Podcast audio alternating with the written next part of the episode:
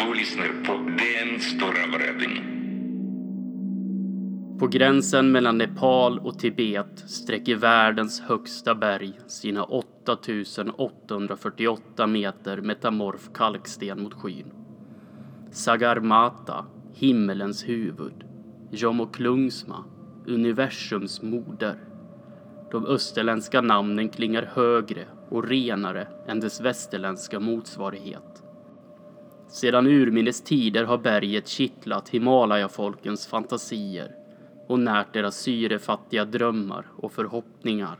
En gudom mitt ibland dem har också dyrkats därefter med stor vördnad och respekt. Blotta tanken på att bestiga otänkbar. Själva ordet obefintligt i något nära tungomål. 1808 igångsattes den stora skändningen, avmystifieringen.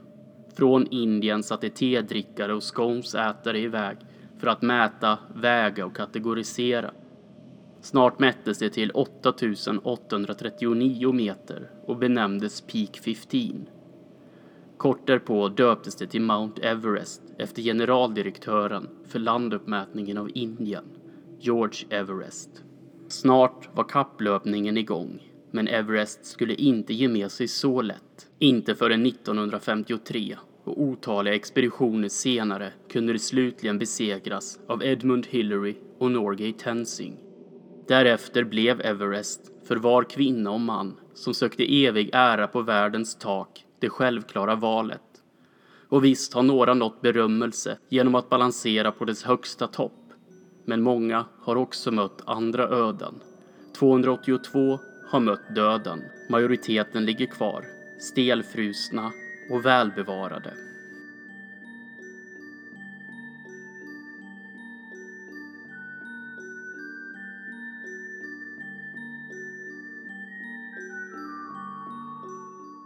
Om nätterna händer det att dessa döda kommer ner för berget, för då med sig berättelser från 8000.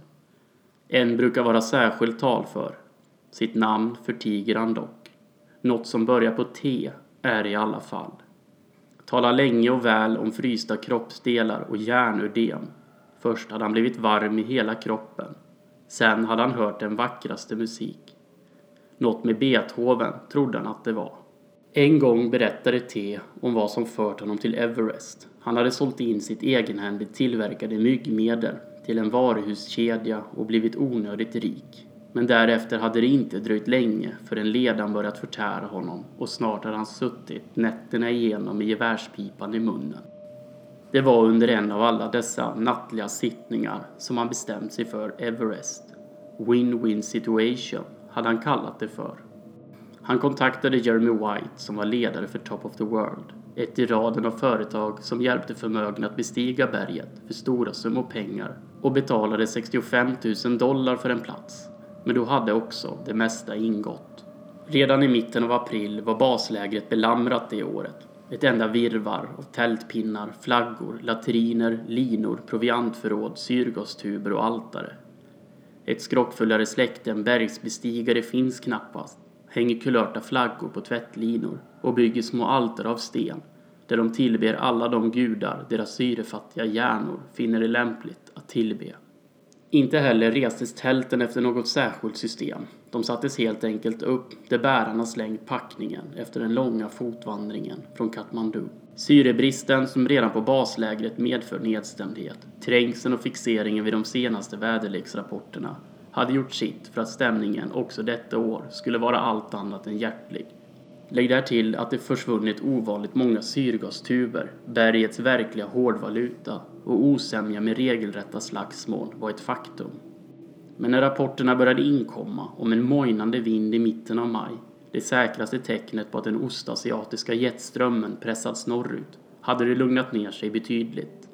Redan på den 13 gav sig de första av en ärrad tjeckisk expedition som till varje pris ville undgå trängsel och med dem gick också själva startskottet. Då började det vankas oroligt av och an mellan tälten, ställas nervösa frågor, kivas och grälas med de sedvanliga expeditionsavhoppen till följd.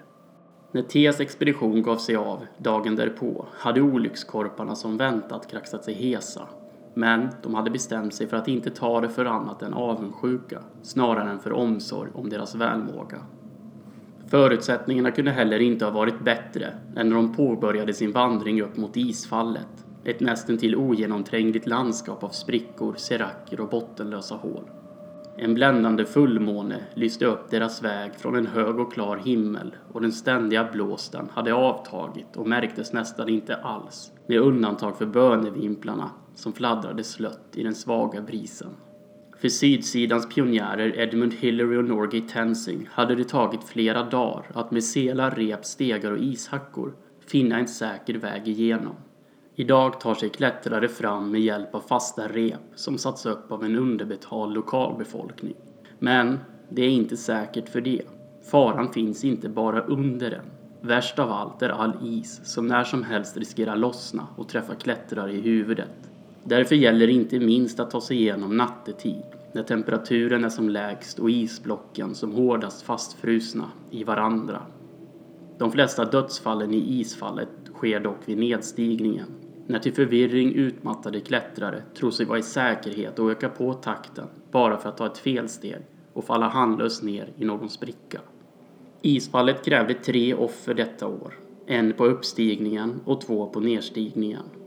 Den första av dem, Matthew Stone, en australiensisk journalist och tvåbarnsfar, föll offer för ett fallande isblock redan efter 20-talet meter.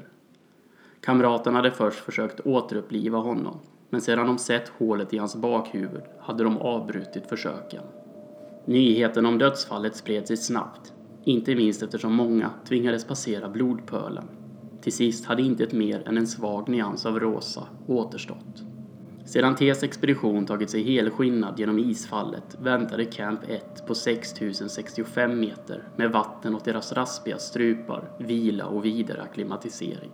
Sedan de om aftonen nåtts av nyheten att den tjeckiska expeditionen, som gett sig av först av alla, klättrat rekordsnabbt och redan befann sig vid Camp 4 gladdes de stort. Detta eftersom det skvallrade om goda förhållanden. Samtidigt visste de hur ombytligt berget kunde vara och att den svåraste biten nu återstod för tjeckerna, klättringen i den så kallade dödszonen. När de samlades runt primusköken den kvällen och talade om dagens strapatser hade stämningen varit uppsluppen. Det var också en ovanligt vacker kväll. Allt var tyst och stilla och ovanför berget hängde en skimrande stjärnhimmel som kändes dem så nära att de nästan trodde sig kunna plocka stjärnor med bara sina händer. Plötsligt fick någon syn på något. En man kom gåendes i motsatt riktning, ner för berget. Illa klädd, iförd endast en militärgrön overall av äldre modell och med bara en sko på fötterna. Runt halsen hängde också en gammal kamera. Talet tystnade omedelbart när blickarna vändes mot mannen. Han stannade bara några meter ovanför, såg på dem under tystnad och vände sedan bort och försvann bakom ett krön. Några ropade efter honom. Två försökte följa efter, men sedan de tagits över krönet hade inte ett spår stått att finna. Expeditionsledaren Jeremy White hade rapporterat det inträffade till baslägret, men man hade inte blivit klokare för det. Baslägret sade sig nyligen haft kontakt med den tjeckiska expeditionen och att alla var välbehållna på 7920 meter och att inga andra nått ovanför Camp 1. Den natten sov de dåligt, skyllde på den tunna luften och använde nog lite för mycket av syrgasen. När någon nämnde järtecken avfärdades detta genast samtidigt som det var precis det som de flesta låg och tänkte på. En österrikare hade berättat för T om en deltagare i en kinesisk expedition som 1970 sett en kropp högt upp på nordsidan och som denne kallat för den gamle döde. Liket hade burit militärgrön overall och det hade spekulerats i om det varit den sedan länge försvunne Sandy Irvin.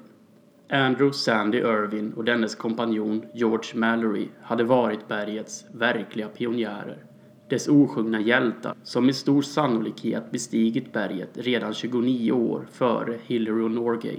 Men med den avgörande skillnaden att de aldrig kommit ner igen. Deras öde beseglades den 8 juni 1924 när de kom att göra sitt sista försök av flera misslyckade att nå toppen. Förutsättningarna hade varit mycket bra när de gett sig av och de hade raskt gjort goda framsteg.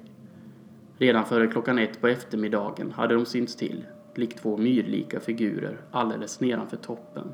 Och det syntes då de flesta att vägen låg öppen för de båda. Men därefter hade månslöjor dragit in på låg höjd och skymt sikten och de hade aldrig mera setts i livet. 1999 fann man Mallory strax nedanför toppen och eftersom Irwin verkade ha påträffats långt åt öster av kinesen på 70 och inte i närheten av sin kompanjon måste de vid något tillfälle ha gått skilda vägar. En teori är att de strax innan toppen funnit att den medhavda syrgasen endast skulle räcka för en av dem att bestiga och att Irwin därför måste ha stannat nedanför för att invänta Mallorys återkomst. Men när denne aldrig återvände påbörjade Irwin nedstigningen på egen hand.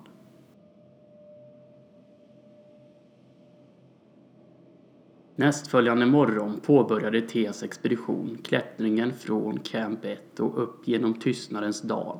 Den kallas så eftersom det intilliggande Lotse fångar upp vinden om man klättrar i lä. För klättrare som spenderat veckor i hård vind är tystnaden öronbedövande och det egna hjärtats slag spränger nästan trumhinnorna när det pumpar runt det trögflytande blodet. Hela dalen är genomstungen av krevasser och klättraren måste hålla ut långt åt höger, ända bort till foten av berget Nuptse och sen genom en smal passage som kallas för Nuptsehörnet. Men sedan man tagit sig runt detta hörn kan man också för första gången skåda Everests övre branter. Sedan Ts expedition tagit sig förbi Camp 2 hade följande episoder utspelat sig. Ole Greip, en atletisk norrman som var inne på sin fjärde bestigning, började tala med sin döde far och sa att denne försökte stoppa honom från att bestiga berget. Två Sherpas försökte föra ner honom, men handgemäng hade uppstått och Ole hade lyckats frigöra sig och kunde fortsätta sin klättring mot toppen. Därefter kastade britten Everett Garp sig från Lotse strax ovanför Camp 3, belägen på en smal klipphylla på 7470 meter och rullade ut efter bergssidan innan han låg orörlig i en sänka flera hundra meter nedanför. Dessförinnan hade han pratat osammanhängande om den eviga kylan som väntade dem alla Också nyzeeländskan Lynn Fent, den första efter Tjeckien att ta sig ovanför Geneva Spur det året, en svart stenformation som måste betvingas med fixerade rep, hade ropat till de bakomvarande att berget rörde på sig, att lavaströmmar trängde upp genom breda sprickor och att de skulle komma att dö allihop. Hon hade tagit sig ner till säkerhet i Camp 3 men på natten hade hon av någon anledning slängt syrgasmasken i snön och gått ut i mörkret för att aldrig mer återses. I baslägret hade man huvudbry över det inträffade. Förutom Ole som klättrade utan syrgas var både Garp och Fent välförsedda med detta och deras beteende kunde alltså inte förklaras av syrebrist. I alla fall inte i någon tillfredsställande utsträckning. Den 18 april nådde Top of the World, Ts expedition, för första gången Camp 4. Belägen på 8400 meter ligger den högre än toppen på fyra av världens tio högsta berg. Här har klättrare blott två till tre dagar på sig att bestiga innan deras kroppar helt enkelt längre inte orkar den höga höjden. Klart väder och svaga vindar är en absolut nödvändig förutsättning för att bestigning ska vara ett alternativ överhuvudtaget. Inte för att vägen upp till Camp 4 inte har sina utmaningar. Isfallet inte minst.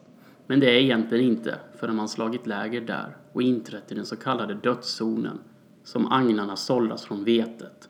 Och då är det tyvärr allt för ofta för sent för många. Då hägrar toppen alldeles för nära. Länge trodde man det vara omöjligt att klara den höga höjden utan syrgas. Något som emellertid motbevisades av italienaren Reinhold Messner och österrikaren Peter Habeler när de på 78 via Sydpassagen besteg berget helt utan syrgas. När det då stod klart att berget kunde bestigas på naturlig väg kom de raskt att få sina efterföljare. Men bara några få procent av alla bestigningar har skett utan. Ovanför Camp 4 väntar brant klättring upp mot den så kallade balkongen. En smal utlöpare vid en 70 graders brant där man tillåts hämta andan före den egentliga toppattacken. Då inträder också de flesta i varierande tillstånd av förvirring. Då gäller det att ha satt upp vissa regler att följa när tanken blir dimmig och toppen hägrar. Allt för många klättrare har underskattat avståndet och inte vänt om trots att klockan varit långt över två på eftermiddagen som är det klockslag man bör vända på oavsett om man bestigit eller inte. Klockan 12 på natten den 20 april avgick årets största grupp av klättrare från Camp 4 för en attack mot toppen. Det sades från baslägret att vädret väntades bli sämre de närmaste dagarna och att valet stod mellan att bestiga den dagen eller helt vända om. Det bäddade för trängsel. Men vädersituationen talade sitt tydliga språk och de flesta, däribland också T's expedition, valde att påbörja sina försök. Klockan halv två på natten, under en skimrande stjärnhimmel, sträckte sig ett pärlband på 67 klättrare ut sig mellan Camp 4 och balkongen. Det muttrades dock bak i ledet att så pass oerfarna klättrare som medlemmarna av Top of the World tilläts gå i täten. Detta eftersom man befarade en alltför tidig trafikstockning. Men någon sån uppdelning är det aldrig tal om på berget. Här gäller samma regler som i massstart vid skidåkning. De mörka timmarna förlöpte under det att klättrarna sammanbitet och målmedvetet tog sig uppåt. Någon halkade i den hårt packade snön. Någon fick problem med en syrgasmask eller enterhake. T hade till en början tyckt sig hålla god fart. Men när han vände sig om och såg det långa ledet av klättrare, de flesta långt mer erfarna än honom själv, som närmade sig raskt där bakom hade han kommit till en skrämmande insikt. Detta hans självmord höll på att förvandlas till ett massmord. Han påtalade för Jeremy att de nog borde släppa klättrare framför sig men fick då bara en huvudruskning och ett kort svar om att detta hade de inte tid med. Därefter hade Jeremy vänt tillbaka blicken mot toppen vars snötäckta hetta lyste spökblek i månskenet. Fast det var hans sjunde expedition hade Jeremy verkat nervös ända sedan Katmandu. Kände nog att somliga deltagare inte höll måttet, T inräknad. Hade förmodligen godtagit dem för att visa sig på styva linan. Han ansågs vara företagets främste expeditionsledare med ett fläckfritt protokoll i bagaget. Hans ledarskap tillät företaget att anta i stort sett vilka kontorsnissar som helst till expeditionerna och på detta hade de tjänat grova pengar. Det sades att detta skulle bli hans sista expedition och att han därefter skulle slå sig till ro för resten av livet med något undantag för föreläsningar att dryga ut dagskassan med. Halv åtta kom ovädret. Mörka jättar till moln tornade illabådande över Lotses norra kam, drog med jetströmmens hastighet in över berget och förmörkade dagen så klättrarna blev tvungna att tända sina pannlampor. Några vände genast tillbaka, irriterade över att inte ha fått någon information om det snabbt annalkande ovädret från baslägret. Men nära hälften fortsatte klättringen. När Top of the Worlds chefskärpa kontaktade baslägret för mer information angående väderläget fick han ett högst märkligt svar. De sa att vädret nog var deras minsta bekymmer, önskade dem därefter all lycka och avbröt sen samtalet. Någon halvtimme senare fick några panik när ledet inte rört sig framåt en enda centimeter på över en halvtimme och deras kroppar började nedkylas till den grad att lederna inte längre lydde deras befallningar och de blev som fångna i sina egna kroppar. Tio av dem försökte tränga sig förbi proppen, som Top of the World kommit att kallas, men eftersom de då också var tvungna att koppla loss sig från säkerhetslinan för att ta sig förbi de framförvarande visade sig detta vara ett ödesdigert beslut för fyra av dem. De halkade i den hårda blåsten och föll hundratalet meter ut med sluttningen till en säker död. Strax efter klockan tio på morgonen nådde T upp till balkongen. Efter en snabb överslagsräkning kunde han och Jeremy få sina misstankar bekräftade. De låg redan två timmar efter schemat det var hög tid att avbryta, men vädret skulle ju försämras de kommande dagarna och då skulle säsongen med största sannolikhet vara över. Ett misslyckande som inte minst Jeremy inte ansåg sig ha råd med. Han talade istället om de möjligheter som fanns till buds, om de försenade toppattacker som ändå varit framgångsrika. Ju längre upp man kommer på berget, och i synnerhet efter balkongen, desto fler kroppar kantar leden. I regel är de mycket välbevarade Många av dem förfrusna i någon pås som skvallrar om själva dödsögonblicket och som i fullt dagsljus ter sig fullkomligt obegripligt där de ibland ligger bara någon meter ifrån leden men som i skymning eller snöstorm framstår som högst möjliga scenarior. Med åren har de blivit del av själva upplevelsen. Det påstås att kropparna ligger kvar eftersom det är för riskabelt att frakta ner dem. Men kanske får de ligga kvar eftersom de också tjänar som goda landmärken, morbida museala föremål att orientera sig runt. Sedan de lämnat balkongen bakom sig fick T se en liten lampa som lyste under ett stenblock och snart ropade någon åt honom och Jeremy att komma dit. Det var norrmannen, Ole, som ville visa på ett lik han funnit där under. De visste genast vem det var. Rob Hall, klättrarlegenden som omkommit 1996 när han försökt rädda en av sina expeditionsmedlemmar som försökt nå toppen efter klockan två på eftermiddagen. Eftersom denne blivit utan syrgas och drabbats av hjärnödem hade Hall beslutat att stanna hos honom tills hjälp nådde från Camp 4. Men de blev överraskade av en snöstorm och hjälpen försvann på vägen. Skyddsligen dog och Hall förfrös både händer och fötter. När han insåg sitt läge ropade han till baslägret att de skulle ringa hans fru i Australien. Han talade därefter med henne över radion och sa att hon inte skulle oroa sig. Någon vecka senare födde hon deras gemensamma dotter. Sedan de önskat Ole lycka till sa sig denne ha gett upp på sin egen klättring för att hålla Rob sällskap under, som han uttryckte det, den sällsammaste av nätter. När de fortsatte upp mot The Cornish Traverse, en smal kam med stup på flera tusen meter om båda sidor, mötte de två deltagare ur den tjeckiska expeditionen. Dessa berättade att några av dem hade nått toppen och att dessa nu hade valt att stanna kvar där för att se föreställningen från första parkett. Vid The Hillary Step hade T uppbringat all sin kraft för att betvinga den lodrätta väggen som utgör det sista hindret innan toppen. Länge låg han och Jeremy och stirrade på de mörka moln som svepte förbi ovanför deras huvuden. När de inte längre kunde känna sina händer och fötter reste de sig och gick sen, böjda av vind och utmattning, den sista biten. Klockan tre på eftermiddagen nådde de toppen. Den lilla åtråvärda fläcken på några meter i diameter och välkomnades där av dem som redan hunnit före. De gratulerades till en lyckad bestigning och välkomnades in till den sälla skara som bestigit berget utan att ta sig ner igen. Där var Irvin med kameran runt halsen och där var Mallory. På Jeremys undran om de bestigit berget på 24 log de först bara gåtfullt. Men sen svarade Mallory att de visst nått toppen, hela 29 år före Hiller och Tenzing. Och att detta var det enda som räknades, ja, trots att de aldrig tagit sig ner igen.